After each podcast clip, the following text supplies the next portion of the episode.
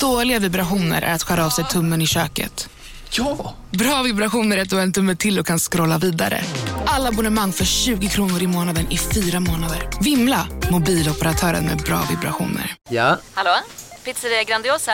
Jag vill ha en Grandiosa capriciosa och en pepperoni. Haha, något mer? Med kaffefilter. Ja, Okej, ses samma. Grandiosa, hela Sveriges hempizza. Den med mycket på. Du, åker på ekonomin. Har han träffat någon? Han ser så happy ut. Var det onsdag? Det är nog Ikea. Har du dejtat någon där eller? Han säger att han bara äter. Ja, det är ju nice alltså. Missa inte att onsdagar är happy days på IKEA.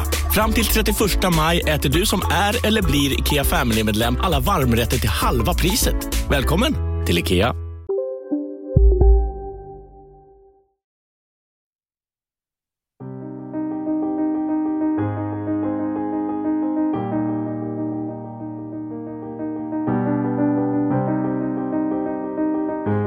Välkomna till veckans avsnitt av Må bra podcast med mig Isabelle.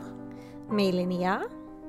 Och det här är ju en podd som handlar om ehm, den fysiska och psykiska hälsan och ohälsan i samhället. Hur man kan göra för att må bättre och få ett lyckligare och hälsosammare liv. Och detta ur ett läkarperspektiv där vi försöker hitta information eh, med grund, i, grunden i vetenskapen. Men där vi även lägger till lite egna tankar och idéer. Och känslor. Nej jag skojar. Ehm, Fast ja. Fast ja, jo så är det. Lite, lite egna tankar också. Men dagens avsnitt kommer handla om vikten av levnadsvanor.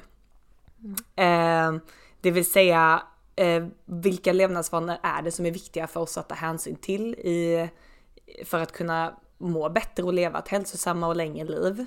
Eh, och vad är egentligen hälsa för någonting? Vi tänker definiera det begreppet. Och anledningen varför att vi väljer att ha det här avsnittet är faktiskt för att en människa som inte röker, eh, som är fysiskt aktiv, som inte eh, konsumerar någon, någon överdriven alkoholkonsumtion och som äter hälsosammare faktiskt får i snitt ett 14 år längre liv. Ehm. Det är inte fel det är inte fel och eh, under den tiden så kommer man ju vara generellt friskare, gladare och hälsosammare. Ja, tänker jag mig.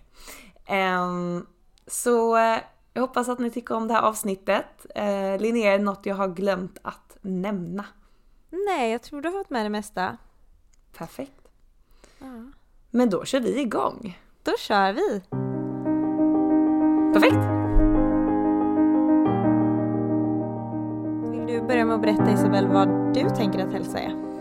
Eh, alltså Eller vad är hälsa för dig? Alltså när, man, när jag hör hälsobegreppet först så tänker jag nog som många andra tänker att man, att man är frisk. Alltså att man inte har någon sjukdom. Att jag eh, inte har några hjärtproblem eller att jag liksom inte får massa återkommande förkylningar egentligen också typ för mig tänker jag. Eh, men sen, och det är väl egentligen det första jag tänker men eh, nu har jag läst på lite så nu blir jag kanske lite bias här men det är klart att det finns mycket mer än bara det rent kroppsliga som har att göra med hälsa liksom. Hur mår jag i mitt huvud? Känner jag att grejer händer i mitt liv? Att jag kommer framåt? Känner jag mig liksom att jag har eh, Känner jag mig liksom samhörig med andra individer? Eh, Jag menar har jag en period i mitt liv som är som bäst, det är liksom när jag är frisk, mår bra, har energi, det händer grejer, jag har bra vänner runt omkring mig. Då är liksom, då mår jag bra och det skulle jag säga är hälsa för mig. För dig då Linnea, vad tänker du när du hör begreppet hälsa? Nej, men jag tänkte lite på det här innan. Den första tanken som eh, kom upp i huvudet var typ ett lugn. Alltså ett, ehm, ett så här inre lugn. Eh, Att jag känner att jag liksom har någon slags trygghet och ehm, liksom kontroll. ehm, Kombinerat med träning och bra kost. Det är nog hälsa i Mm. mitt liv. Det är, För mig personligen. och det är det man märker och det är lite det man kanske vill komma fram till också att just att uppskatta den individuella, hälsa, alltså individuella hälsan i, hos en person är jättesvårt. Även om eh, Ja. den här World Health Organization och Folkhälsomyndigheten och alla så här liksom sådana grejer försöker definiera kolla på liksom en population och hälsan ser ut så är det. Det är svårt.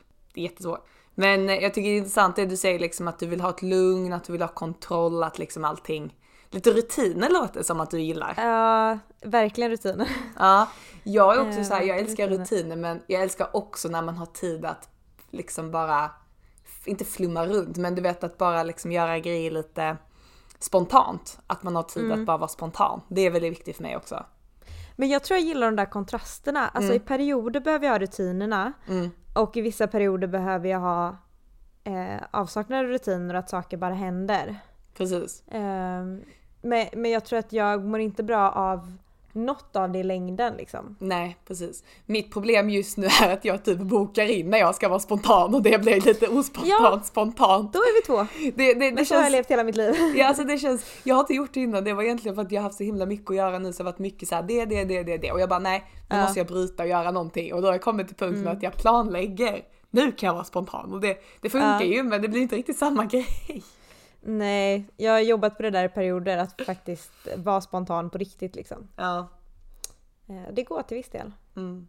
Nej men jag tror balans och eh, en balans mellan liksom att eh, en balans, alltså jag tror alltid på balans, allting. Det ska vara Ja. lagom, lagom av allt. Lagom och allt och ibland kan det vara mycket av något en period och lite av något en period. Det blir också någon slags balans. Jo men såklart. För mig i såklart. alla fall. Ja nej samma Jag mår typ bättre av det än att ha det här konstanta balansen så behöver jag nog lite... Eh, ja. Men jag tycker det är rätt intressant för jag vet typ så här om jag har haft en period som har varit väldigt, väldigt tung, kanske att jag har haft extremt mycket tentaplugg eller extremt mycket jobb, Mm. eller vet bara någonting som varit riktigt kämpigt och som varit, har varit liksom Mm. påfrestande för mig att ta mig igenom. Men när jag väl Mm. har kommit ut ur den och en tid efter då ser jag alltid tillbaka på den perioden som en väldigt bra period typ. Förstår du Mm. lite vad jag Mm. menar? Att Ja, jag ja. Jag åstadkom precis. någonting och jag tog mig över det här hindret och lyckades Mm. med det.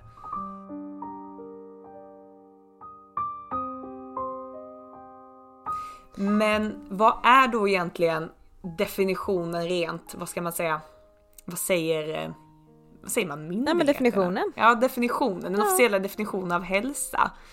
Vad är det? Det, det är en komplicerad definition som jag tror att Linnea vill uttala sig om. Ska jag uttala mig om det? Men du, då får jag nästan bara ta fram den svenska versionen av den. Det får du göra. Det finns lite olika definitioner av hälsa, men eh, WHOs är väl den vanligaste. Och eh, nu tror jag att du i och för sig sa att det kanske finns någon nyare uppdatering på den här, men den, den som jag har tittat på innan tror jag är långt tillbaka från typ 50-talet, om inte tidigare. Mm. Eh, och då säger man, nu läser jag ordagrant här, ett tillstånd av fullständigt fysiskt, psykiskt och socialt välbefinnande. Inte endast en frånvaro av, sjuk- av sjukdom och funktionsnedsättning. Alltså, det. det, att det handlar inte bara om att du ska vara frisk, alltså somatisk eller psykiatrisk frisk. Och somatiskt menar att man är frisk Eh, i kroppen. Typ. Ja, precis. Eh, utan det handlar om liksom helhetsbilden eh, och inte bara ditt fysiska och ditt psykiska utan även ditt sociala, det du har runt omkring dig. Mm. Eh, vilket jag tycker är ganska dels fint och rimligt för att eftersträva att man ska vara konstant frisk tror jag, eller det är en omöjlighet. Mm. Ehm, och det kanske inte heller är det som är det viktigaste. Så många lever ju med kroniska sjukdomar eh, och ser inte sig själv som sjuka. Ehm, och sen finns det de som lever med kroniska sjukdomar som ser sig själva som jättesjuka Mm. fast de kanske inte anses lika sjuka i andras ögon. Nej. Eh, Så det där är ju väldigt liksom individuellt hur du upplever det och det har ju med alla andra faktorer runt omkring att göra också. Mm. Och när vi pratar om kroniska sjukdomar så pratar vi, alltså kroniska sjukdomar är sådana som inte, som man har resten av, eller det är väl resten av livet när man säger kroniska sjukdomar egentligen. Ja, jag tror att det finns någon definition på hur långt eh, det handlar om. Ja men längre period men Ehm, längre perioder, ja, precis. Och då pratar, vanligtvis så brukar man prata om diabetes, om cancer, eh, om hjärt-kärlsjukdomar.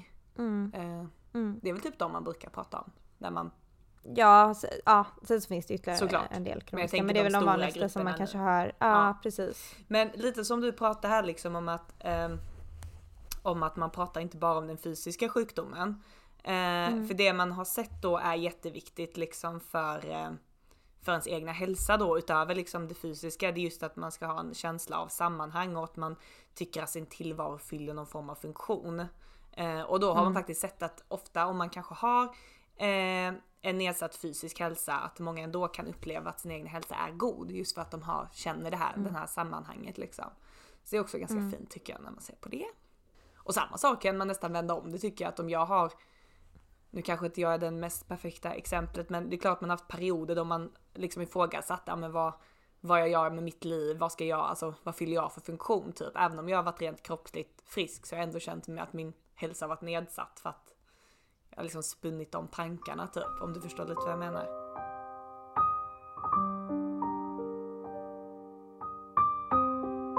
Så när man pratar om liksom hälsa, eh, som vi nog har börjat lite fint med här, så finns det ju många faktorer man kan se till som vi har pratat om. Eh, man har ju såklart sin genetik som man är född med som inte finns så mycket att göra om, om vi inte börjar prata om CRISPR, men det är, det är en grej till en annan gång. Vad sa du för något nu? Jag vet inte jag CRISPR. pratar om. Har du inte hört om det? Det där är ett nytt begrepp för mig. Är det? Har inte jag pratat med dig om Ja. CRISPR? Du kanske har nämnt det och så har jag, minns jag inte. För det här, jag hade en, jag hade en hel. CRISPR-period. Så CRISPR är eh, en ny grej man har sett. Det är typ eh, ett, ett enzym. Och vad ska man säga? Ett- enzym är typ som en... Eh, Ett protein är Mm, det, som- som, påverkar olika processer. sätter igång, ja precis. Som kan sägas, gör, gör någonting i kroppen kan vi säga. Mm. Eh, och eh, det har man, jag hittat det typ i bakterier om jag inte missminner mig. Men i alla fall, då har man lyckats ta ut det här enzymet då. Och det här enzymet kan klippa och klistra i ditt DNA. Och DNA är det som kodar för din genetik och hur du ser ut och hur du är och, och så vidare. Och, eh, och då så kan man, och då har de liksom gjort detta typ i sprutformat på något sätt. Så att de har då liksom i den här sprutan gjort så att om du sprutar in den här grejen i din kropp så kan du ändra din genetik. Typ du kan se muskulös ut utan att du behöver träna. Du kan byta i ögonfärg, du kan, ja men du vet vad som helst typ. Och detta kan ju vara bra i vissa, det finns ju vissa så genetiska sjukdomar, exempelvis så här muskelsjukdomar hos barn, att musklerna typ förtvinar. Och då kan det vara jättebra alternativ om man liksom kör vidare forskning där och man kan börja behandla de barnen. Men problemet är ju när det kommer på andra nivåer. Eh, Jag vet att det är liksom någon, någon kille från NASA då som började sälja detta på internet i USA och promotade detta jättehårt för han var typ så här. Nej men detta ska vara tillgängligt till alla för om det bara skulle vara tillgängligt för du vet de som är väldigt rika och kan betala sig till det. Då kommer de sluta som elitmänniskan så därför ska alla kunna få byta sitt, sin genetik som de vill typ. Eh, Men det här är inte något jag rekommenderar så att gör inte det. Men Nej, och jag tänkte säga det där är ju en lång etisk diskussion. det är jättestor Eh, etisk diskussion. alltså- Jättestor. Vart, vart det dras gränser eh, när du kan börja liksom manipulera med DNA Mm. hos dig själv och hos liksom ehm, ja, när du skaffar barn och sånt. Vart, vart dras gränsen för vad är okej att selektera fram och ut och så vidare. Precis. Eh, ja, nej, jag hade nog inte hört just eh, om det men ja. Nej men det finns, det här är ju ett jättestort dilemma precis som du pratar Ja. om liksom. När man gör sån här, eh, vad heter det? Fosterdiagnostik och sånt. Ja precis, att man kollar på vilket DNA har de olika liksom, Mm. eh, vad ska man säga, befruktade äggen. Och så kan man Mm. välja typ, var ska man dra gränsen där, hur mycket får man kolla efter? Mm. Eh, nej det är mycket med det. Men i alla fall, genetiken påverkar Sånt såklart. så intressant. Ja det är jättespännande. Ja. Genetiken påverkar såklart vår hälsa och medellivs, eller ja vår hälsa liksom. Men eh, det Mm. finns ju andra faktorer, mer miljö och externa faktorer. Eh, man har Mm. vilken, eh, vilken ålder man är i, vad man har för kön, Mm. vad man har för arbete exempelvis. Men man brukar kunna dela in dem i några liksom grupper. Och då pratar man om typ sociala kontakter. Vad har man för familj och stöd runt om sig liksom och för känna samhörighet och så vidare. Vad har man för levnadsvillkor? Alltså eh, vad jobbar du med? Eh, hur bor du? Finns det hälso och sjukvård i det landet du lever i? Och massa andra grejer. Eh, samhällsekonomiska. Har vi en bra lagstiftning? Sådana grejer typ. Men sen den som kanske vi kommer prata mest om här för att det är kanske den som är lite enklast att man faktiskt kan göra en lite skillnad i tänker jag. Som vi vill liksom promota med här. Det är ju levnadsvanor. Och det är ju typ rökning, alkohol, fysisk aktivitet, kost och så vidare. Ehm, Och det var ju lite som vi sa i introt där att liksom om du lever då, ha bättre levnadsvanor så kan du liksom öka din livslängd och kvalitet på livet och hälsa ganska med ganska stora marginaler liksom. Um. Och jag tänker att alltså kring levnadsvanor, det här med kost, träning, inte röka, eh, inte för mycket alkohol. Det är ju sånt som jag tror vi typ alla vet. mer, alltså mer eller mindre. Vi, vi är ju medvetna om att det påverkar. Eh, men det är ju intressant att det faktiskt påverkar så pass mycket. Precis. Nej för vad det jag var chockad över när jag läste, läste på det var att det var som, som, alltså som du säger en så stor skillnad. För jag tänkte ju liksom det är klart att mm. man ska leva hälsosamt. Du vet. Ja, men som alla mm. säger liksom. Men när man faktiskt ser siffror på det att så här många år ökar du ditt liv med och så här mm. stor skillnad i medellivslängd är det mellan den här gruppen av människor som lever på det här sättet och den här gruppen av människor som lever på det här sättet med olika förutsättningar. Mm. Alltså det är ganska påtagligt och jag menar inte minst mm. för det också liksom att om du väl lever ett liv, vill du inte leva så alltså ett bra liv som möjligt under den tiden mm. där du inte är så sjuk, där du, inte, där du har en ökad hälsa. Och ja. jag, jag, tror varken du eller jag menar att oj nu ska alla gå bli liksom ja men du vet bara äta hemmaodlade grönsaker och springa Nej. och bara springa tre mil varje dag. Det är inte det vi menar utan det, det är ganska små skillnader man, eller små skillnader, man kan liksom göra, vad ska man säga, lagom mycket skillnad i det hela liksom för att ändå få lite effekt. The more the merrier liksom. Ja, men för det är ju som, alltså när man pratar till exempel träning, mm. eh, där är det ju eh, kanske inte det viktigaste att du, det, det, är klart att det är viktigt att liksom träna, men den liksom tunga fysiska aktiviteten är ju inte det viktigaste, Nej. utan att minska stillasittandet mm. är ju det viktigaste. Mm. Eh, och det finns ju små, alltså så enkla saker att göra. Om en sous är på väg till dig för att du hörde en kollega prata om det och du råkade ljuga om att du också hade en och att den var så himla bra att maten blev så otroligt god och innan du visste ordet av hade du bjudit hem kollegan på middag nästa helg för att du sålt in din lågtempererade stek så bra att du var tvungen att beställa en på nätet fort som attan. Och ja! Då finns det i alla fall flera smarta sätt att beställa hem din sous på. Som till våra paketboxar, placerade på en plats nära dig och tillgängliga dygnet runt. Hälsningar Postnord. Upptäck hyllade XPeng G9 och P7 hos Bilia. Våra produktspecialister hjälper dig att hitta rätt modell för just dig. Boka din provkörning på bilia.se xpeng redan idag. Välkommen till Bilia, din specialist på X-peng. Känner du igen en riktigt smart deal när du hör den? Träolja från 90 kronor burken. Byggmax. Var smart. Handla billigt.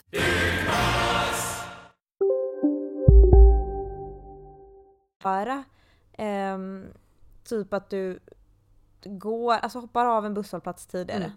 Tar den där lilla extra promenaden. Eh, eller tar cykeln till jobbet när det är väder som tillåter. Mm. Ta trapporna eh, istället för hissen. Ja, precis. Och, och sen, sen är det jättebra att träna och få upp pulsen också. Eh, men sen finns det ju folk som kanske av någon anledning inte kan göra Nej. det. Och då är det viktigt att bara minska ner på stillasittandet och få in mer liksom den här vardagsmotionen mm. som eh, eh, faktiskt är viktigare än vad man tror att den är. Mm. Nej men helt rätt. Och när man pratar mycket om här som vi pratar liksom om, om träningen och levnadsvanor och kost och sånt. Det är ju mycket, för det ser man ju exempelvis i vår, i vår då eh, Västeuropa exempelvis så ser man ju att här ökar ju de kroniska sjukdomarna som vi pratade om innan och det är ju mycket för på grund av hur vi lever liksom. Vi blir mer stillasittande. Mm. Vi, liksom, vi åker bil, vi sitter på vårt kontor, eh, vi äter sämre liksom och vi, vi eh, dricker mer alkohol och rök gör vi kanske inte mm. mer men ni förstår poängen liksom. Och eh, mm. det var ganska intressant det här eh, för jag kollade en Netflix dokumentär om det här. Och Netflix är ju lite såhär, ja kanske inte den bästa resourcen men jag tror den här poängen var ändå ganska eh, riktig på något sätt för att det var någon form av inhemsk ö som de hade som de hade besökt för många år sedan. Och de var, alltså de var så friska vad gäller hjärt-kärlsjukdomar, diabetes och cancer, alltså de här kroniska sjukdomarna. Mm. För de åt ju den maten som de kunde få tillgång på. Du vet de jagade och åt frukt och du vet ja, sådana grejer som de mm. alltid hade gjort. Mm. Sen hade de ju en del infektionssjukdomar för de hade ju inte antibiotika på det sättet liksom där. Men de var jättefriska liksom rent i kroppen. Och sen så hade de på något sätt börjat importera liksom mat från alltså, väst, alltså västvärlden liksom. Eh, Mm. Från vår livsmedelsindustri. Och så besökte de då det här samma ön flera år senare. Alltså de var så sjuka. De, alltså de var Mm. diabetes och cancer. Vet, där har de ju ingen riktigt fungerande Mm. sjukvård. Och de hade ju ingen kunskap heller kring att det kanske inte är så bra att dricka Coca-Cola varje frukost. För att för dem Nej. var det ju att kunde de ge sina barn Coca-Cola till frukost då var det ju finaste de kunde ge dem. För det var ju liksom finvaror Mm. för dem. Mm. Men alltså de var så sjuka Linnea, det var så hemskt att se. Mm. Mm. Eh, Mm. Där var verkligen liksom oj. Mm.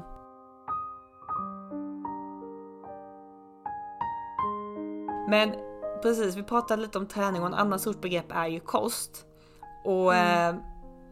eh, ehm, ja, alltså där återigen nya siffror som jag pratade med dig om innan att liksom som verkligen var Mm. slående för mig. Och jag ska säga det att de här siffrorna tar de lite med en nypa salt för att jag tror det här kan vara lite eventuellt lite gamla siffror men bara för att man ska få ett hum om att det faktiskt är en väldigt stor, alltså att det gör en stor skillnad om man säger så.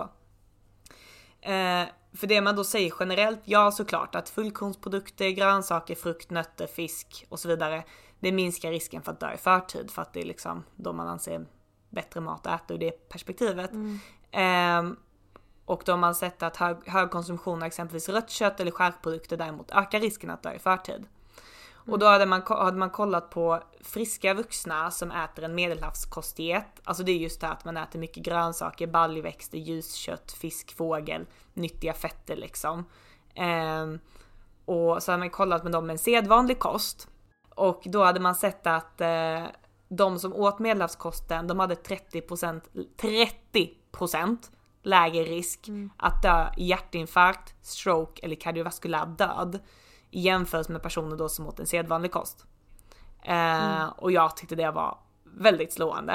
Eh, sen Mm. så pratar vi lite om detta, vad definierar de en sedvanlig kost? Eh, Ja, precis. och det, det... Det- definierar de inte så tydligt men det poängen med detta är liksom att om du försöker kanske att inkorporera lite mer av medelhavskosten i din, vad ska man säga, i din kost generellt. måltider. Ja, Precis. kost, ja. Då, då kommer du faktiskt uppnå att du kommer äta hälsosammare och bättre ur det här, den här synpunkten. Det är väl lite Precis. det jag vill poängtera med att det faktiskt Ja. gör en väsentlig skillnad.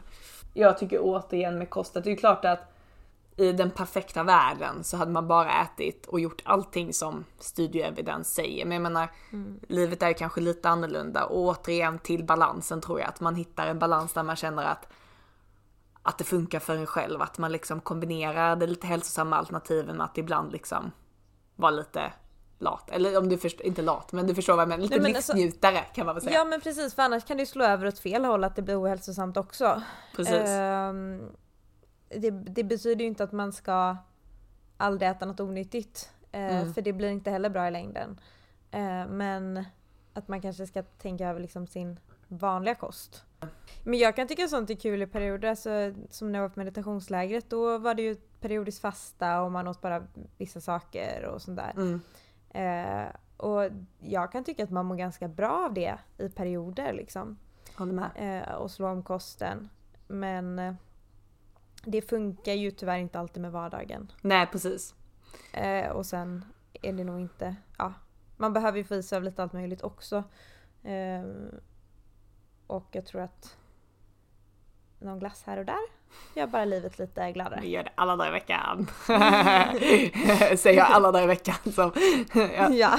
Men en grej som är lite Ja. intressant, som jag vet jag tänkte vi skulle nämna men som vi inte sa men som vi går in på nu. Ja. Det är just det här med synergieffekten. Att fler, alltså om du har mer än en ohälsosam vana så blir det någon form av synergieffekt. Det vill säga att De spär på varandra. om du enskilt röker så får du Mm. en viss negativ effekt. Om du enskilt dricker Mm. alkohol får du en viss negativ effekt. Men gör du det tillsammans så blir summan större, en större negativ effekt än Mm. om du bara hade haft en av dem. Eh, men jag tycker det är lite intressant, jag vet inte om det går på andra hållet också, men jag tänker i alla fall för mig själv, typ. Om jag eh, tränar, då äter jag också hälsosammare. Om jag äter hälsosammare, då tränar jag också bättre. Alltså, det känns som att det föder, jag vet, alltså det föder liksom ett tankesätt i mitt huvud som bara gör att jag blir hälsosammare och jag ty- Mm. typ tycker det är roligare. Jag vet Ja, men jag känner likadant. Alltså, och det, jag tror att mycket också blir så här. Eh, kom in en period när jag börjar äta hälsosammare eller börjar träna bättre. Eh, då blir jag liksom peppad av det. Och då blir jag mer peppad att ta tag i de Mm. andra bitarna också för att jag får mer energi från det där som jag har liksom vänt Mm. till bättre vanor. Ehm, och sen Mm. vet jag inte hur mycket av de vanorna i sig som gör det men jag tror att framförallt är det känslan hos mig. Om du förstår vad jag menar. Som Mm. gör att jag är mer benägen Mm. att liksom lägga om de andra vanorna till bättre också. Mm. Och sen, alltså Mm. som jag har nämnt för dig innan också. Eh, jag tycker att det är så stor påverkan typ på den här, eh, den här tiden på året. Alltså det här ljuset Verkligen. ger en energi som gör att man orkar ta tag i träningen och då börjar jag ta tag i kosten. Alltså så, jag äter så mycket nyttigare den här veckan eller de senaste två veckorna än vad jag gjort på hela vintern typ. Nej men alltså jag, jag köper det absolut. Jag är, alltså jag är ju lite av den tron att, alltså så här, hade inte vi haft den teknologin vi har idag, där vi kan värma Ja. upp hus, så hade ju inte vi människor kunnat bo så här norrut. Fast det har ju folk gjort väldigt länge. Nej inte i mitt huvud. Nej inte i ditt huvud. Nej. Nu får du inte döda Man min kan ju teori värma upp hus på andra Ja. sätt också. Än vad vi ofta gör idag. Min teori är att vi ska inte leva så här norrut, i alla fall inte i mitt huvud för jag mår så dåligt under mörkret och vintern. Jag tror också det är väldigt individuellt hur man påverkas men alltså jag, alltså helt ärligt, enda anledningen varför jag typ på riktigt alltid har övervägt att inte bo i Sverige när jag blir äldre Mm. säger jag men när jag blir äldre, det, alltså det Ja, är ja, verkligen just jag. Men sen tänkte jag också det, men det kanske är lite så här betingning, du vet att varje gång man har åkt till varmare Mm. länder så har det varit på semester. Så att det blir någon sån form Mm, av är betingning att man kopplar värme med semester och att det är därför man kanske egentligen också har en bidragande faktor till varför man mår så bra av det.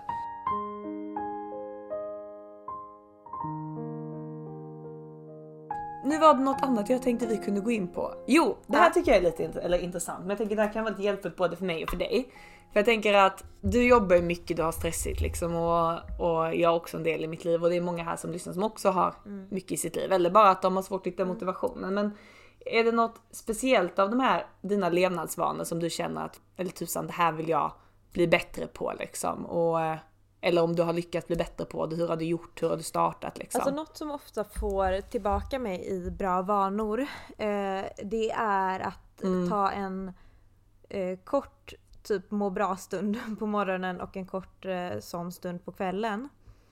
Eh, Mm. Om jag eh, om jag går upp tidigare på morgonen och typ tar en kopp te och jag har pratat om det lite Mm. senaste tiden med eh, dig och andra att jag har försökt hitta tillbaka till att liksom gå upp, ta en kopp te, sätta mig kanske med min kalender och en dagbok och skriva några rader.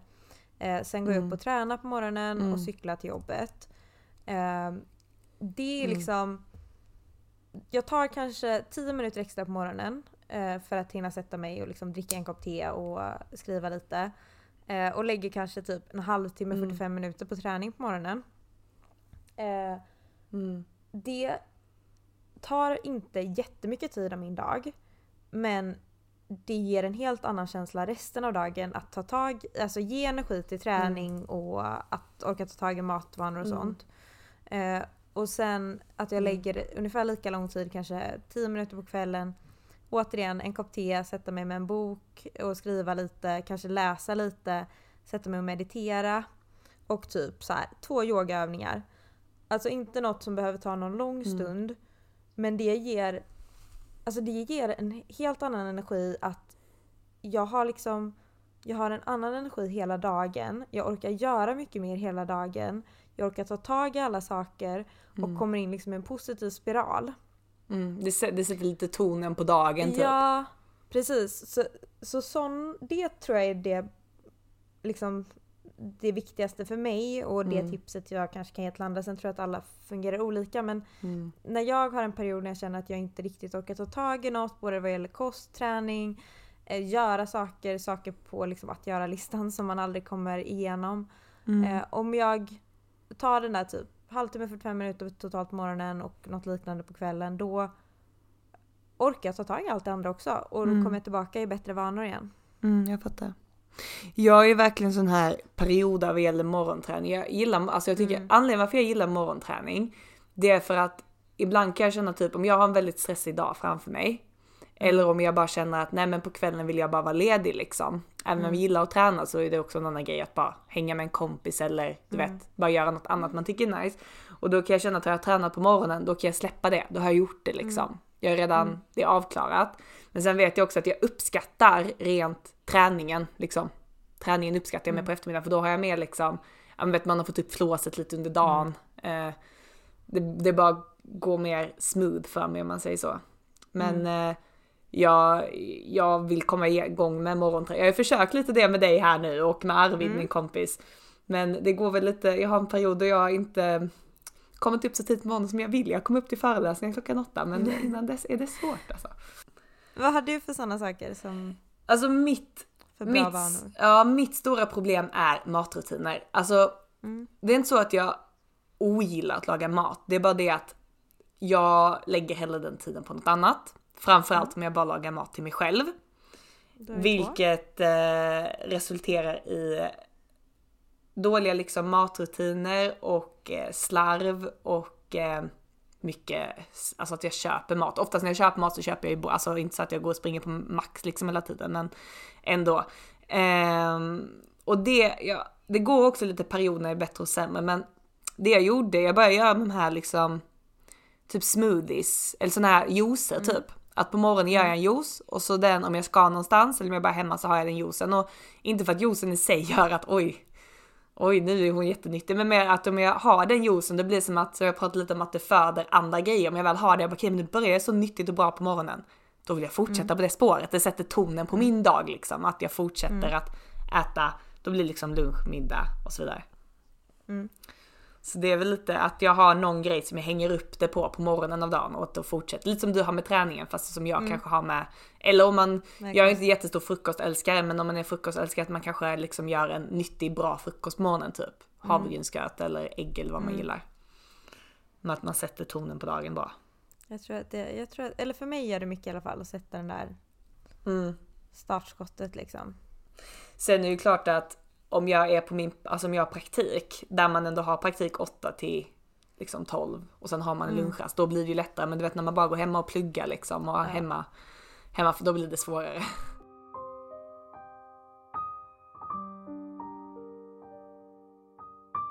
Tack så jättemycket för att du har velat lyssna på oss idag och eh, vi hoppas att du tycker det är lika kul att hänga med på den här resan eh, som vi tycker att det är. Ehm, och jag hoppas att ni vill vara med även nästa gång. Om eh, du har några synpunkter, frågor, tankar, kritik av något slag så tar vi jättegärna emot allt sånt. Ehm, du kan antingen nå oss på våra mail, mabrapodcast.gmail.com, alltså mabrapodcast utan den lilla pricken över ået. Eh, eller så kan du nå oss via våran Instagram eller bara följa oss även om du inte har något som du vill Eh, säga. Och där heter vi också Mabra Podcast. Ehm, och vi är, vi kämpar med att bli bättre och bättre på att uppdatera där. Så att eh, vi hoppas att det ska bli mer och mer eh, flöde på den via vår Instagram. Tack så jättemycket. Eh, ta hand om dig och må bra. Och glöm inte av att andas. Puss puss!